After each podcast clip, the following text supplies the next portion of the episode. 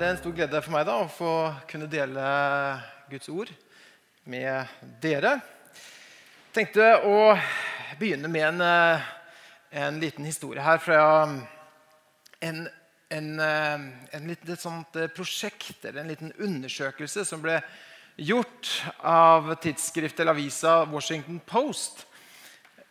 Det er altså en blant verdens beste klassiske musikere, en fiolinist som heter Joshua Bell. Han hadde akkurat, eller Dagen før hadde hatt en, en, stor konsert. Folk hadde betalt over 1000 kroner bare for å få billett til å, til å lytte til noe av den flotteste musikken som er blitt skrevet. Og så, og så skjer det noe.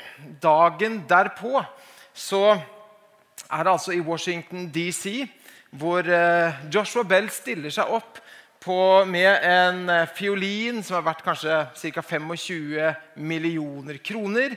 Står der og har satt på en måte fiolinkassa foran seg, kledd i veldig sånn vanlige klær, og, så, og spiller mye av det samme repertoaret, bare en, ved en opptatt undergrunnsstasjon i Washington DC. Og så er på en måte store eh, liksom, eh, undersøkelsen her da, er, Gjenkjenner vi det vakre? Gjenkjenner vi skjønnhet når det kommer til oss på en, helt, på en plass der vi ikke venter å finne det? Så er det interessant å se hvordan eh, i dette opptaket, da, så, som også ligger ute på YouTube, hvor, hvor folk, tusenvis av mennesker bare passerer rett forbi uten å registrere det som, det som skjer? En, en uh, flott musikk, verdenskjent artist. Og så går bare og passerer, passerer, forbi. Bortsett fra en treåring som blir stående og se på, og en som gjenkjenner hvem det er, og blir liksom helt sånn ellevill av å, å, det han ser. I vår kultur og i vårt eh, samfunn så er det vel kanskje sånn Iallfall for en del. At eh, når det gjelder å, å, å lære noe om sex, eller om samliv, om ekteskap, så er det ikke sånn, kanskje, for de aller fleste, at en, eh, en går til Bibelen for å finne svar der. Så Derfor så vil eh, mange som kanskje, som noen som kanskje ser på i dag også, som er litt ukjent med Bibelen, blir, kanskje blir forundra at oi, Bibelen har jo virkelig noe å si om seksualliv, om singelliv og om ekteskap. Og dit har vi kommet nå i uh, denne spennende serien da, i første Korinterbrev. Og det har vært en sånn stor glede å bare få følge med på andre som har delt også fra tidligere eh, kapittel. Og nå har vi kommet til kapittel 7 i, i første Korinterbrev, eh, som kanskje kunne blitt kalt noe sånt som at, eh, at dette her er på en måte apostelen eh, Paulus eh, sitt eh, på en måte virkelig Hvor han snakker da varmt også om, om singellivet. Så det blir spennende, og så kan vi gå inn og, og se på dette her sammen og at vi kan gjenkjenne det vakre både ved ekteskap, men også ved singellivet. Det er to gaver som apostelen Paulus her snakker om. Og vi skal gå inn og, og se litt eh, nærmere på det. For dette er jo da skrevet til en bestemt kirke i en bestemt by, i Korint, hvor det hersker en hel del forvirring rundt dette området her. Det hersker en hel forvirring i kulturen. Et sånn hav av forvirring når det kommer til seksualitet og ekteskap. og hva det der faktisk innebærer. Men her er det blitt en gjeng som har blitt uh, født på ny, som har blitt kristne, og som vil følge Jesus.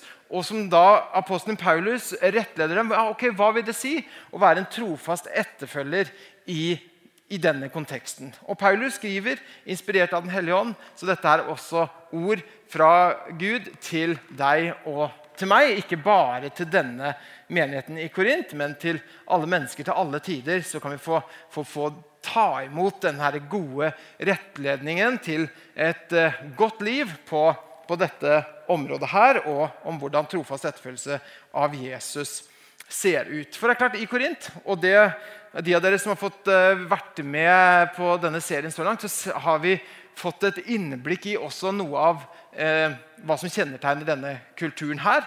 Det er eh, tempelprostitusjon, det er et, et, et, visst type syn på sex Som er sånn at du nesten på en måte, ok, på samme måte som når jeg er sulten, så tar jeg og spiser litt mat. Eh, og tar i meg næring. Hvis jeg har lyst på sex, så har jeg sex.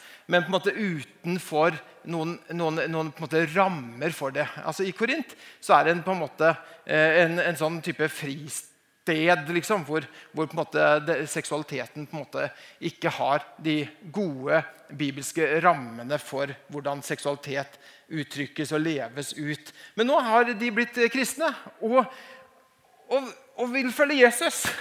Det gamle er forbi. Alt er blitt nytt. Men hvordan ser det ut?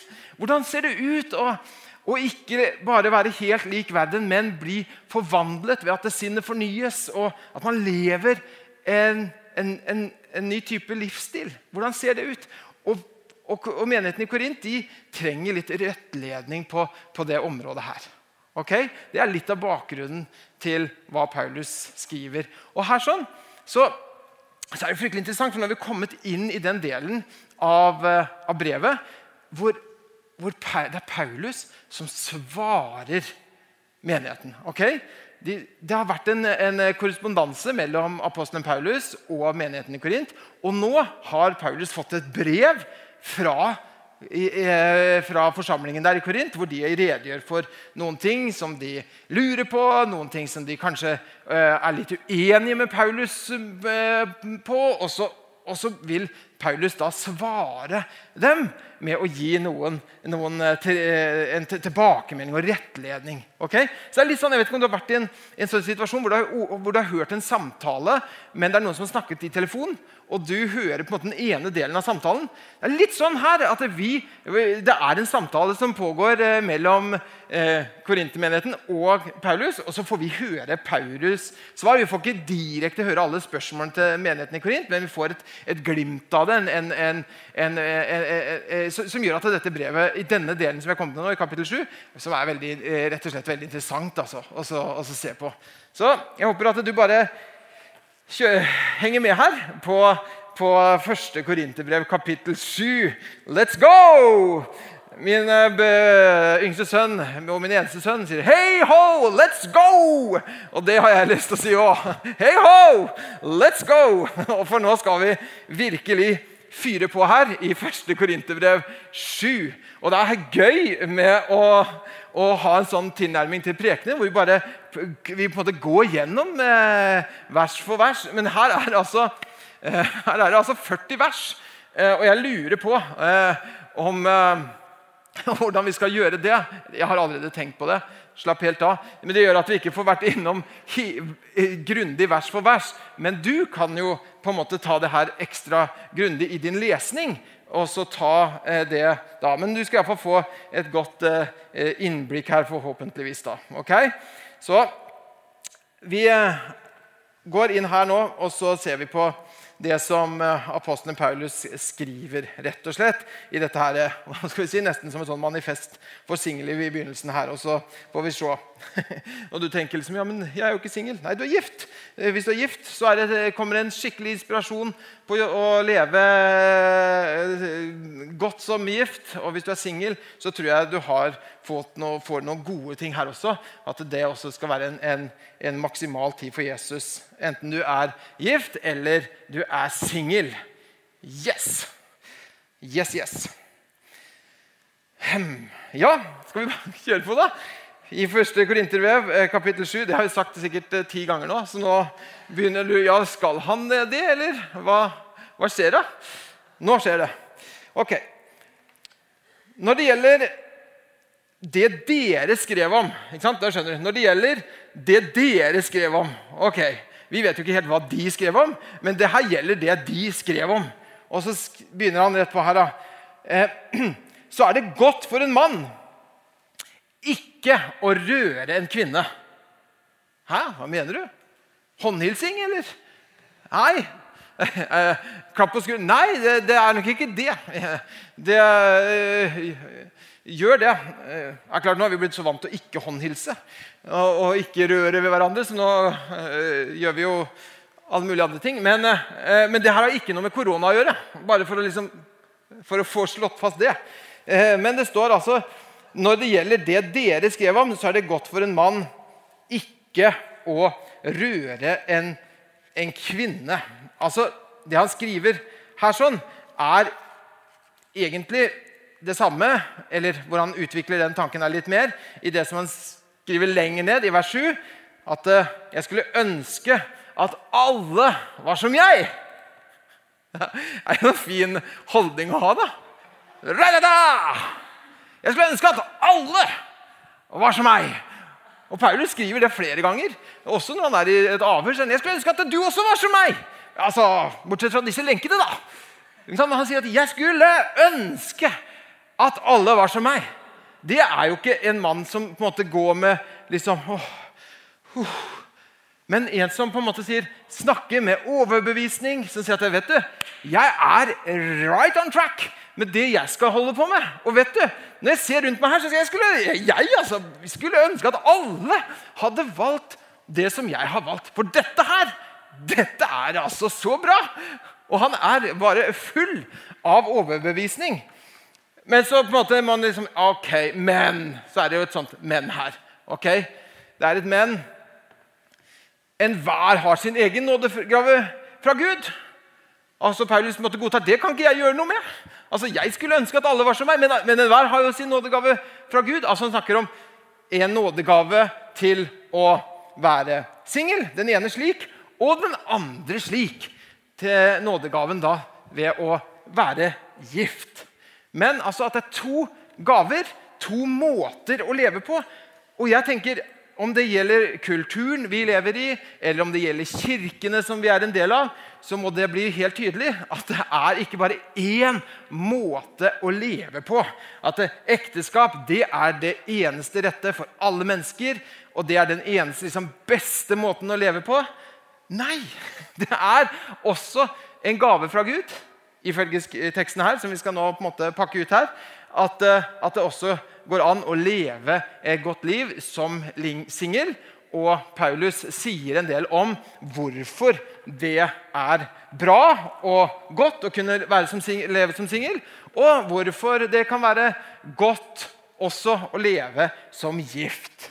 Paulus, for Paulus er det sånn som han skriver i slutten av kapittel 6, så sier han at det, det store eh, på en måte, temaet her for, for, livet er jo at det, som han avslutter i kapittel 6, at det, dere tilhører ikke lenger dere selv. Dere er kjøpt og prisen betalt. Bruk da kroppen til Guds ære. Altså, Om du er singel eller om du er gift, lev til Guds ære. For kroppen din Du er jo et tempel for Den hellige ånd. Og så lev nå livet til Guds ære. Er Gud, om du er gift eller om du er singel, så søk å leve til Guds ære. Og eh, når, eh, når, Paulus da eh, snakker om, om, dette her, så, så, er det på en måte litt sånn Det er jo på en måte overraskende positivt av flere grunner. Og særlig ut ifra den kulturen som apostelen Paulus skriver ifra for. Hvis du leser hvis vi tar et lite tilbakeblikk hvis du er med meg på det, et lite tilbakeblikk nå til Gammeltestamentet, så eh, skal ikke vi gå inn på, på, alle tekstene her, men du vil gjenkjenne at det, veldig mange ganger så er det en par som ikke får barn. Og de er det mange av i Bibelen som opplever en, måte, en sorg og et savn omkring det at man ikke får en etterkommer. At man ikke får en etterkommer. At det, at det på en måte at det, at det, stopper med oss. At det stopper liksom ikke neste slektsledd. så det blir på en måte sånn der, det ligger i, på en måte, i skapelsen at vær fruktbare, bli mange. Abraham og Sara ikke sant? Om, om, om etterkommere, om en tallrik eh, og, og, og, på en måte denne lengselen da etter en, etter en etterkommer. Men så er det noe som skjer med Jesus og med evangeliet som er veldig, veldig interessant. Så ja, altså, Med Jesus er alt interessant. Vi elsker jo Jesus. Så, eh, men også her, når vi leser en tekst fra Jesaja fra kapittel 53 Bare vær med litt tilbake til i GT her.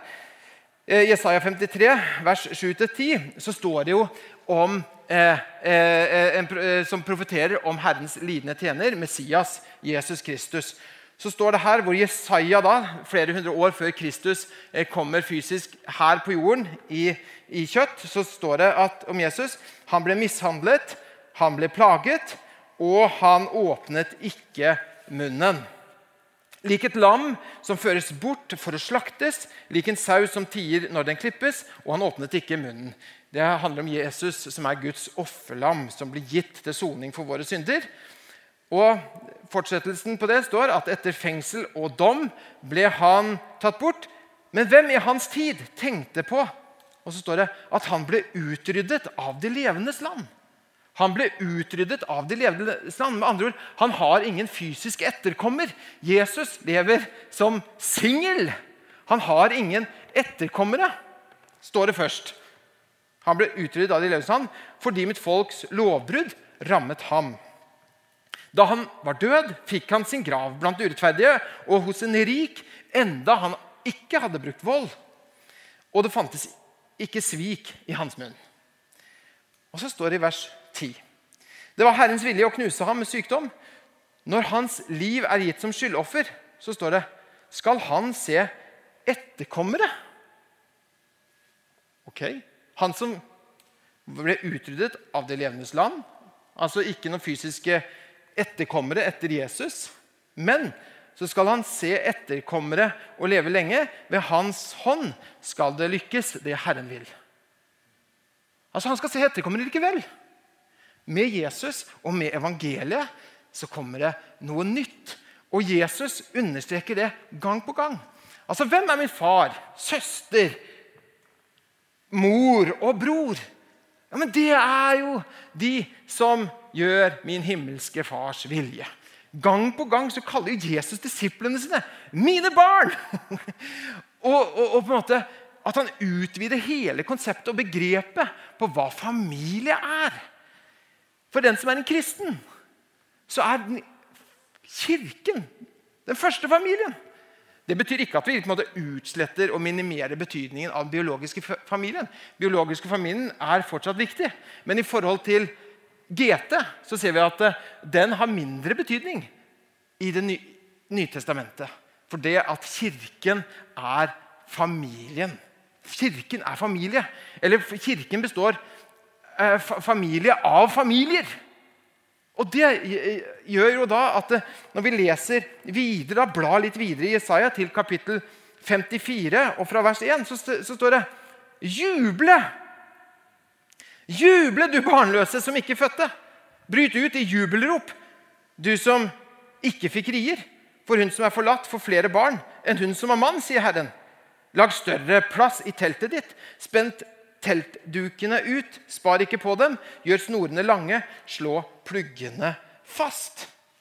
Ok, Så det vil si at, eh, at det å få en etterkommer Det å få en etterkommer for Paulus, eller for Lukas eller for Titus eller for Philips fire døtre eller for, all, eller for Apollo eller for Altså, single er Leser du Bibelen, og så ser du at det er single all over.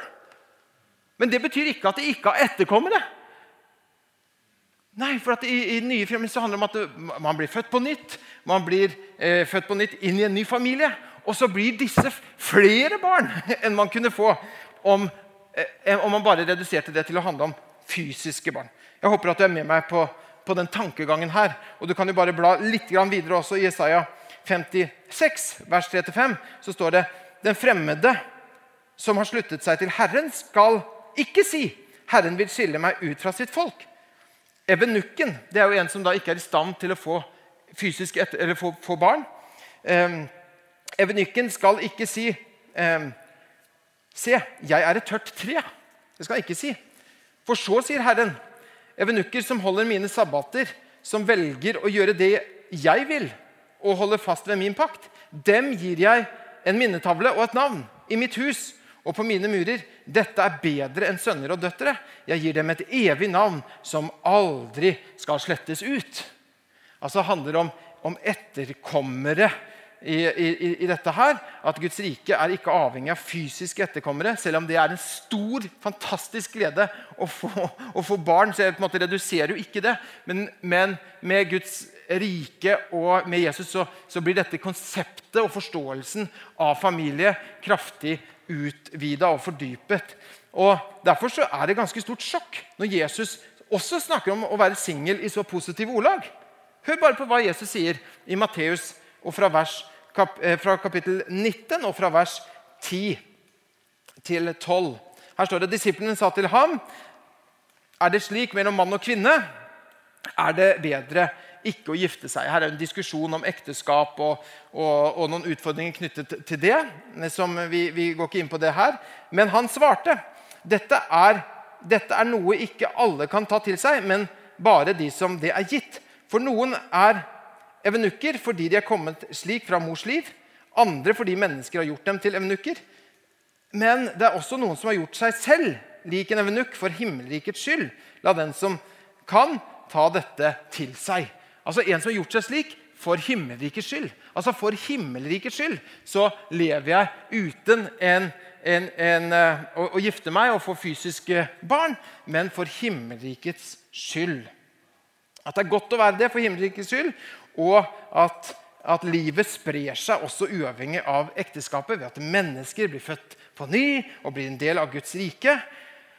Og, eh, og, og Paulus han gjør det helt tydelig her at det er ikke å, å, være singel handler ikke om å bare å holde ut så lenge du ikke er eh, gift, og bare vente på liksom noe bedre. Det er ikke sånn at det er nest best å være singel, dette er annenrangs. Men at det, for, for, Paulus så sier han vet du, som singel kan du også leve ut din hensikt helt og fullt. Se på meg, hallo! Jeg har skrevet så mye av Nytestamentet. Jeg har planta kirker og bare kjører på. Hæ? Come on! Ikke, ikke tenk liksom, at oh, jeg bare venter på en som skal gjøre meg hel. Skal, oi, for en jobb! Skal ektefellen din ta det ansvaret? Nei, nei, nei, det er ikke sånn at du går og liksom nei, jeg, jeg, bare, jeg føler meg helt halv, jeg. Somebody make me complete. Marry me. ok. Lykke til med den. Men uh, for Paulus så er det sånn Nei, jeg er helt og fullt bånn gass. Ikke sant? Og jeg kan på en måte få, få leve ut det som, som, Gud har for mitt liv. I den sivile statusen som jeg har nå. Det er Paulus, og han skriver så, så blekket skvetter om, om, det her i kapittel 7. Da. Eh, blekket, det, altså. Det var ikke sånn sett. Det var bare pergamentruller og sånn. Men hør her. I kapittel 7 og vers 32 så sier han jeg vil at dere skal slippe bekymringer. Eh, kan tenke deg For, for Paulus hadde hatt en sånn eh, mini. da. Eh, med, jeg vet ikke hva han hadde kalt han. Jeg kalte han lille Elias. da. Og så oi, oi, oi, Skulle jeg hente i barnehagen i dag? Ok, jeg er i Asia nå, jeg. Ok. Neimen Å oh, ja, det hadde Akkurat, ja. Hekken, ja. Oi. Hekken, eh, Naboene klager på hekken, sier du? Så jeg må komme hjem og klippe hekken? Ok, Det er uh, over tre måneder siden vi hadde, var ute på date sist. Å oh, ja, sorry, men jeg, jeg, på, jeg, er i fengsel jeg nå. Uh, det blir litt vanskelig, men kan vi, kan vi, vi kan vel skrive noen romantiske brev til hverandre? i alle fall.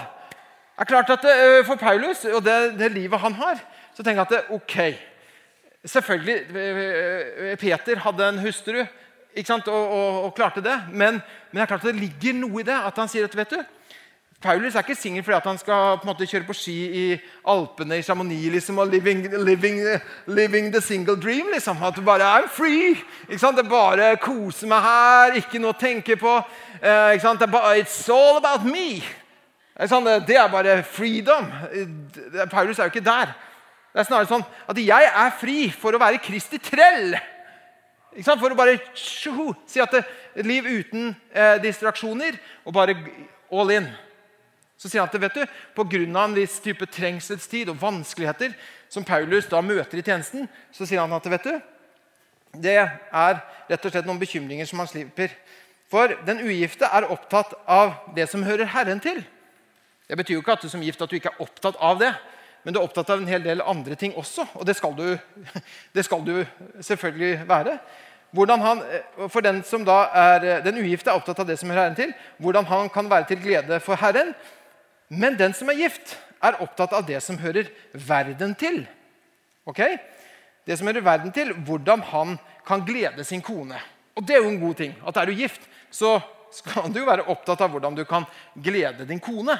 Og så er det som Paulus skriver her, og så blir sinnet delt. At man kjenner at å, egentlig skulle jeg vært der, men så må jeg være her. Og så skulle jeg gjort det, og så, og så kjenner du at oi, her var det masse forpliktelser. Eh, den ugifte kvinnen og den unge jenta er opptatt av det som hører Herren til, så de kan være hellige både på kropp og sjel. skriver Paulus. Men den gifte kvinnen er opptatt av det som hører verden til, hvordan hun kan glede sin mann. Altså Det gikk jo da begge veier, som du ser. ikke sant? Eh, at eh, mannen er opptatt av å, glede sin kone, og kona er opptatt av hvordan hun kan være til glede til sin mann. Og Det høres jo ut som et godt e, e, ekteskap, hvis begge er opptatt av det. Så det er jo bare full pott til Paulus i forhold til å gi gode råd til den som også er gift. Men så sier han, 'Jeg sier dette til deres eget beste'. Ok. Ikke for å legge bånd på dere, men for at dere skal leve sømmelig og holde dere trofast og helhjertet til Herren. Derfor skriver han det. Han skriver for deres eget beste. Og så på en måte tegner et bilde av Kristus' ektefølgelse også i i, i, i, og, og, mulighetene som ligger ved det å ikke være gift. Så legger han til da i vers 26.: På grunn av den nødstid vi lever i, mener jeg det er godt for et menneske å bli værende som, som det er. Men det er klart, Paulus sier jo ikke dette her som et sånn påbud. Altså at, at, dette gjelder alle som er single nå. Enten du er singel som enkel ektemann, enten du er singel som 30, 40, 50 eller 70 år. Det er jo stor forskjell. ikke sant? Men han sier at ok, jeg skriver ikke det her som noe påbud, men jeg sier bare, det er sånn jeg har erfart det. Det er sånn at det, Å på en måte åpne opp det rommet der, at det, går an å leve sånn også. Og det, og det, også kan bli riktig så bra. Og så tror jeg at det også gjelder når du snakker om denne gaven til å være gift, eller denne gaven til å være singel, så tror jeg det også på en måte, at vi kan også forstå det sånn at ok, er du singel nå, men du tenker ikke at det skal være for hele livet, du ønsker egentlig å være gift, så kjør på. Og, og gjør det du kan for å, for å bli gift. Ikke sant? Ikke, ja, og det, det, blir jo en litt sånn annen preken. Det er jo noen tiltak som uh, funker, og andre som funker mindre bra. Og, ikke sant? Uh, så er det jo Ja. ja. Ok. Så, så, hvis du ønsker å gifte deg, supert. Og så, og så sier Paulus det, det går kjempefint. Men han sier også at men så lenge som du er singel, benytt deg av de mulighetene som fins også i det å være en singel, og ikke bare liksom drømme om den dagen man blir gift.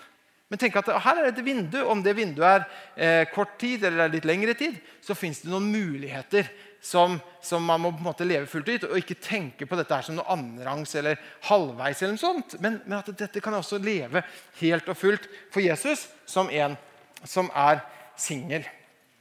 Så, eh, eh, så, det er jo eh, sånn Paulus skriver på. I Efeserbrevet skriver jo Paulus videre om ekteskapet, om hvordan ekteskapet det kan du bare notere Efeserbrevet 5, 22-33, hvor det står om det kristne ekteskapet. Om hvordan det er å leve ut evangeliet i praksis. At man elsker sin hustru sånn som Kristus elsket kirken og ga seg selv for den. Ekteskapet blir på en måte en modellering av, av evangeliet i praksis. Men hva med den single? Hva gjør den? Jo, Den også modellerer noe og viser verden noe ved sin livsstil. Og så sier den med, med dette her at ja, vitner for verden at vet du, at min identitet, det er i Kristus. Det er i Kristus som jeg har min glede fullt og helt. Og han, han er mer enn nok for meg. Det er til og med sånn at han kaller seg for ektemann. altså, Han kaller meg for en Så jeg har på en måte min glede og, og, og, og min lengsel og, få bekreftelse for at det er dypest sett i Kristus og ikke i en, i, i, i en annen relasjon. Og at han er mer enn nok for meg. Og men, så Det blir en påminnelse om at vår ultimate glede og tilfredshet ligger ikke i det å være gift, men ved å elske mennesker og følge og tjene Jesus og finne våre liv i ham. Så er det jo sånn at eh, Paulus går jo med på at eh, ja, det er ikke for alle, men enhver har sin egen nådegave. Så Derfor så skriver han i vers 9 så skriver han at men dersom de ikke kan være avholdende, ok, eh, må de gifte seg. For det er bedre å gifte seg enn å brenne av begjær. Merker du at jeg ble litt sånn La på litt der? Det, det gjorde jeg. Ok, Det er bedre å gifte seg enn å brenne av begjær. Og så er det noen som tenker ok, ok, du gifter deg, og da, da slutter alt begjær. Da bare slokna hele ilden. Sånn, jeg gifta meg. Det bare pff. Nei, det er ikke det. Amen for that. At det er ikke sånn at Da ble det liksom ikke noe krutt igjen. og ikke, altså All kullsyra gikk ut av brusen. Ikke noe bobler. ikke, Jeg snakker veldig metaforisk her nå, her i det poetiske hjørnet her. Men at det ikke liksom Nå er det ikke noe, noe igjen. Nei.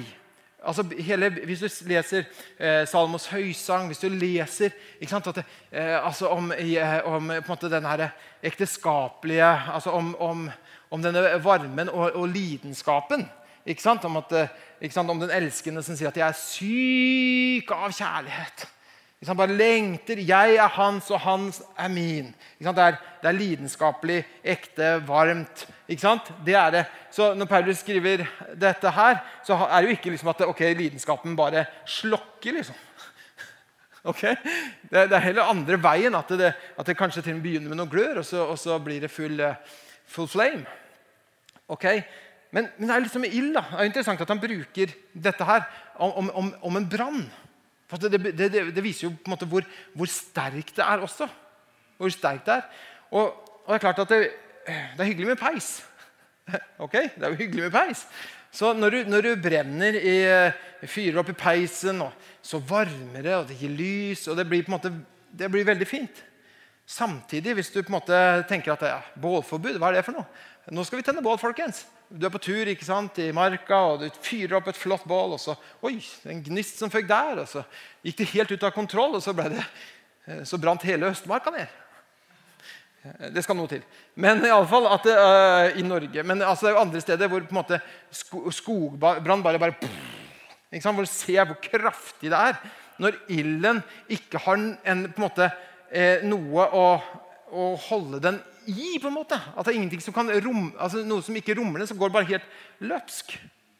Og Det er jo det som, som Paulus uh, skriver her, at det, det, er bedre å gifte seg enn å, å, brenne av begjær. For da får også begjær og lidenskapen som, som Gud har eh, som vi skal takke Gud for.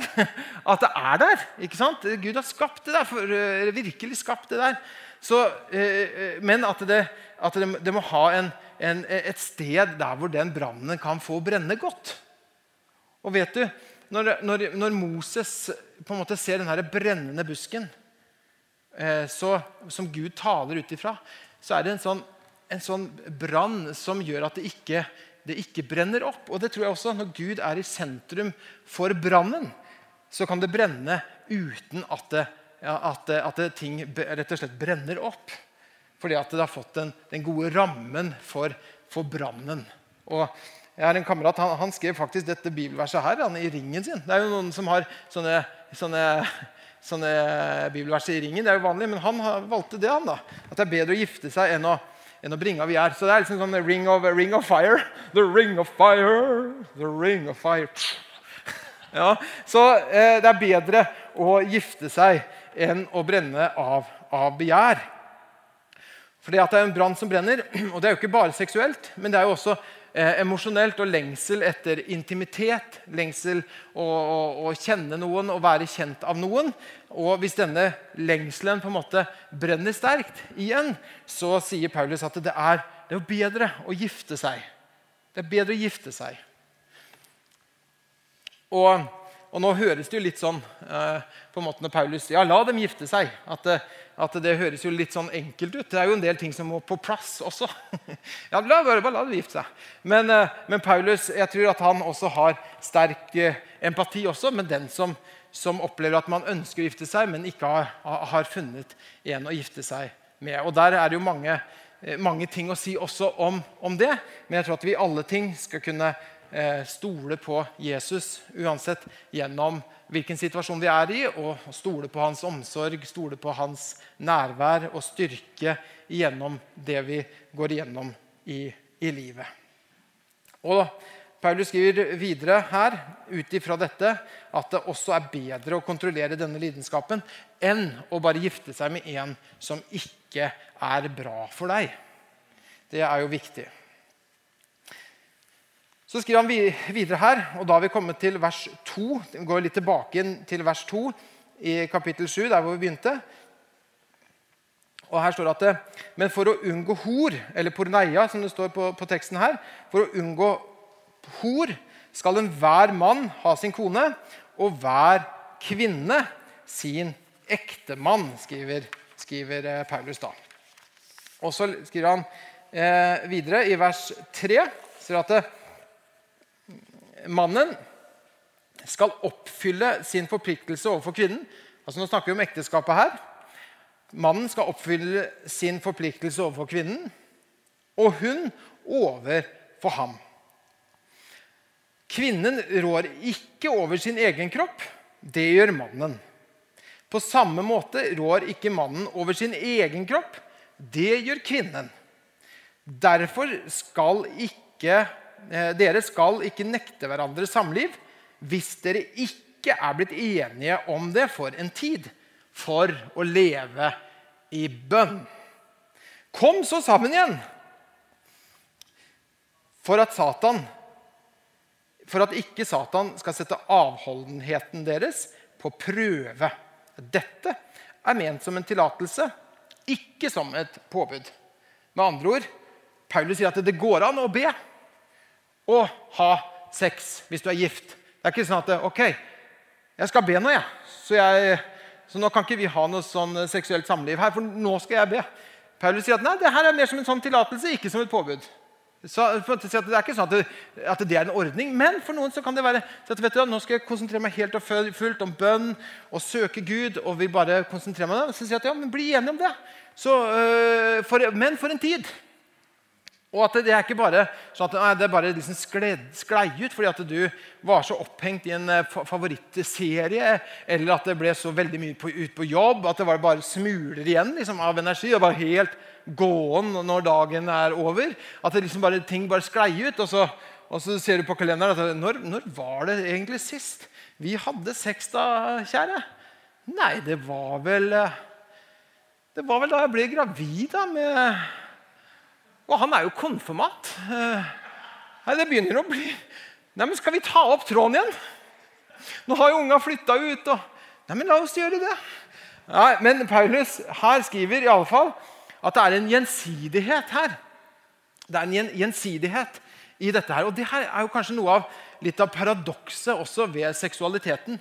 Hvis man går inn og tenker liksom, ok, jeg er inne for dette her bare for min egen nytelse, bare for å få stilt mine egne behov, sier Paulus vel, det er ikke den beste måten. Det er ikke en god måte å gå inn i, i det på. Men hvis jeg går inn på det sånn vet du, Hvordan kan jeg være til glede for deg?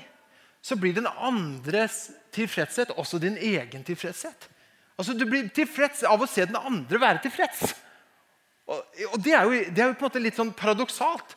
Men der sier Paulus at, du, altså det, det, er rett og slett sånn at at, en, eh, eh, at, kvinnen rår ikke over sin egen kropp. Det gjør mannen. Og så er det gjensidighet. Det her går jo begge veier. For klart, Hvis det bare var, gikk, gikk, den ene veien, så ville det jo blitt undertrykkende, og det ville ikke bli et godt ekteskap. Men fordi at denne, denne her gjensidigheten som finnes i, i, dette, her, at man er hverandres tjener, og man søker den andres beste også på dette området, så finnes det en styrke og Eh, og, og, og, en glede også i, i, dette, i dette, her.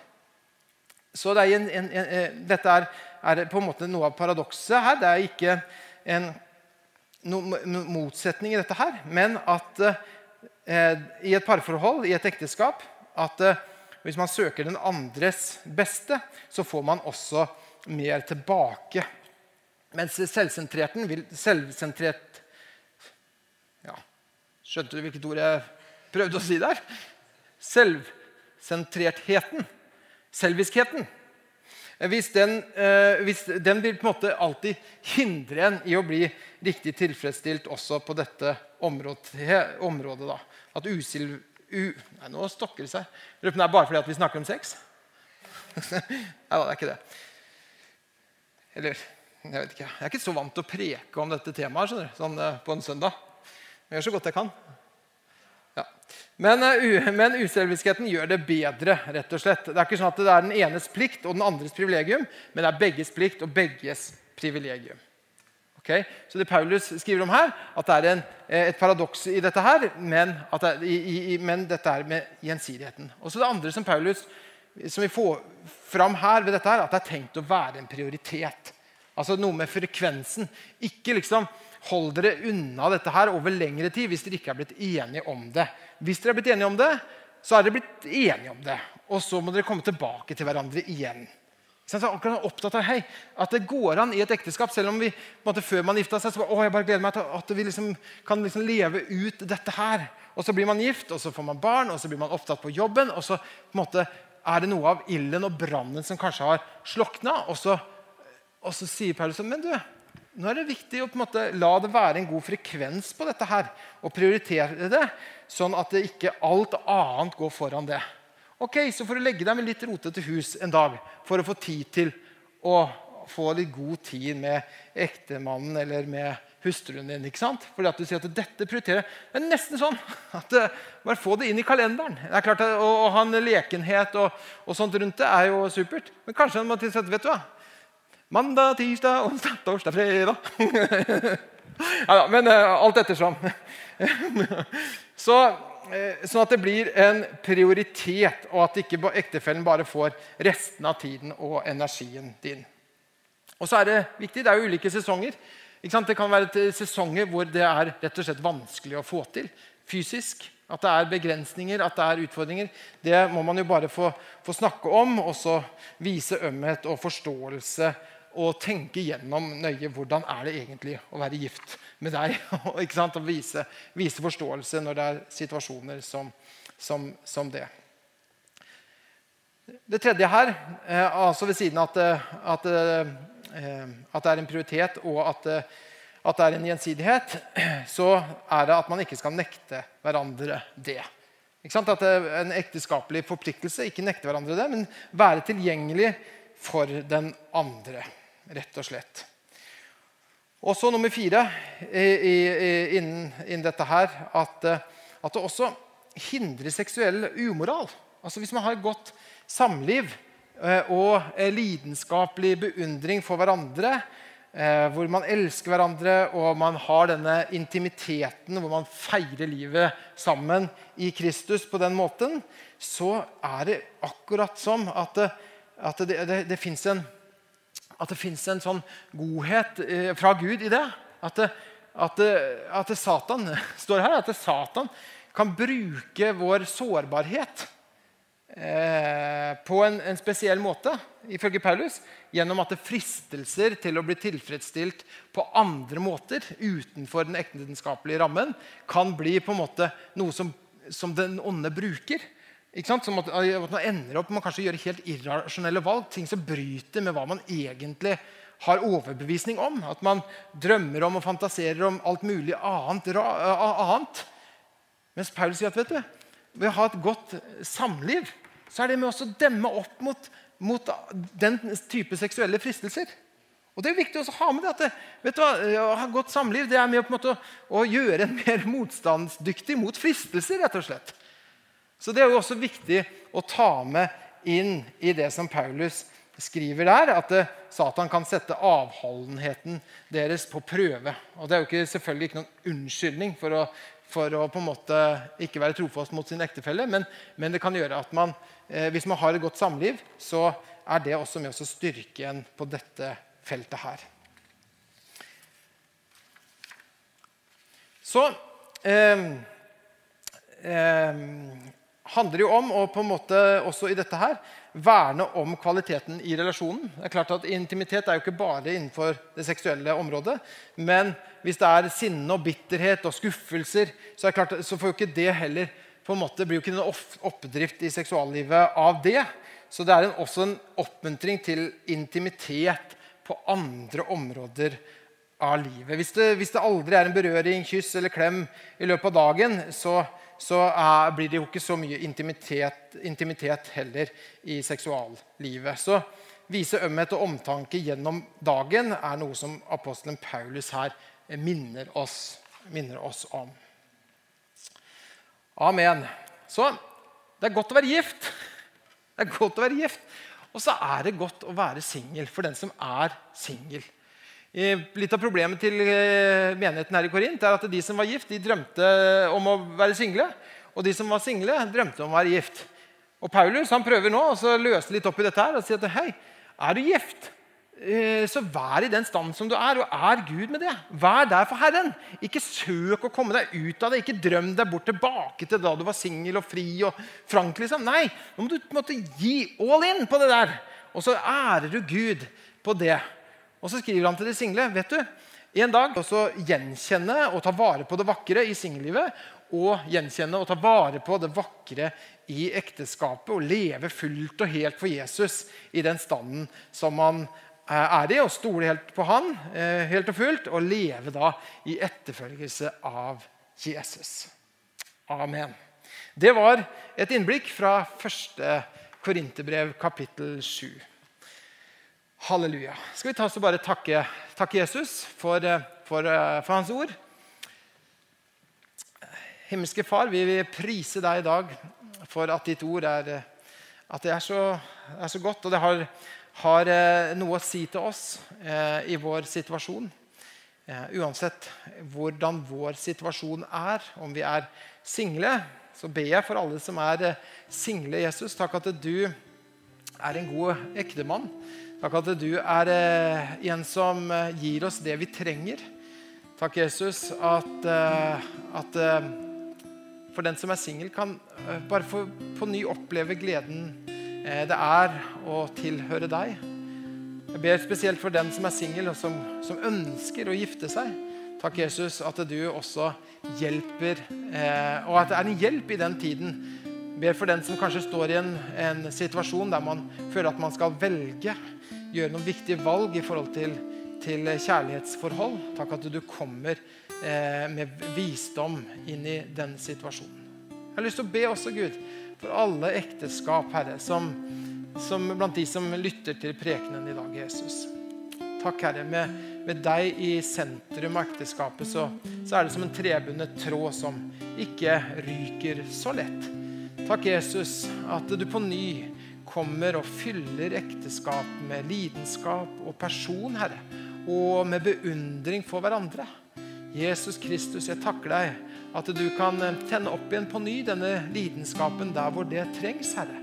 Sånn at vi kan få lov til å leve et godt ekteskap med god gjensidighet. Der vi kan tjene hverandre, der vi kan få løfte hverandre opp i ekteskapet. Og på den måte demonstrere eh, din kjærlighet og evangeliet i praksis, Herre. Jesus, jeg velsigner hvert ekteskap, Herre. Velsigner hvert ekteskap. Takk, at du tenkte at det skulle være et sted med fred, Herre. Og Da ber jeg om det, Herre, at det ekteskap som opplever mye uro, kanskje, så ber vi her i dag, Jesus, at du skal komme med din fred. At det skal komme en mulighet til å få snakke sammen og få finne tilbake igjen til hverandre, Jesus. Til beundringen av hverandre, Herre Jesus. Vi takker deg for alle de som du har ført sammen i denne kirken og blant andre som lytter i dag, Herre. Takk, Jesus, at de skal få virkelig kjenne en sånn styrke og kraft i sitt ekteskap. At det blir solid, Herre, og at det, at det holder, Herre. Vi priser ditt navn, Far. Takk deg for din godhet mot oss, Herre. Amen.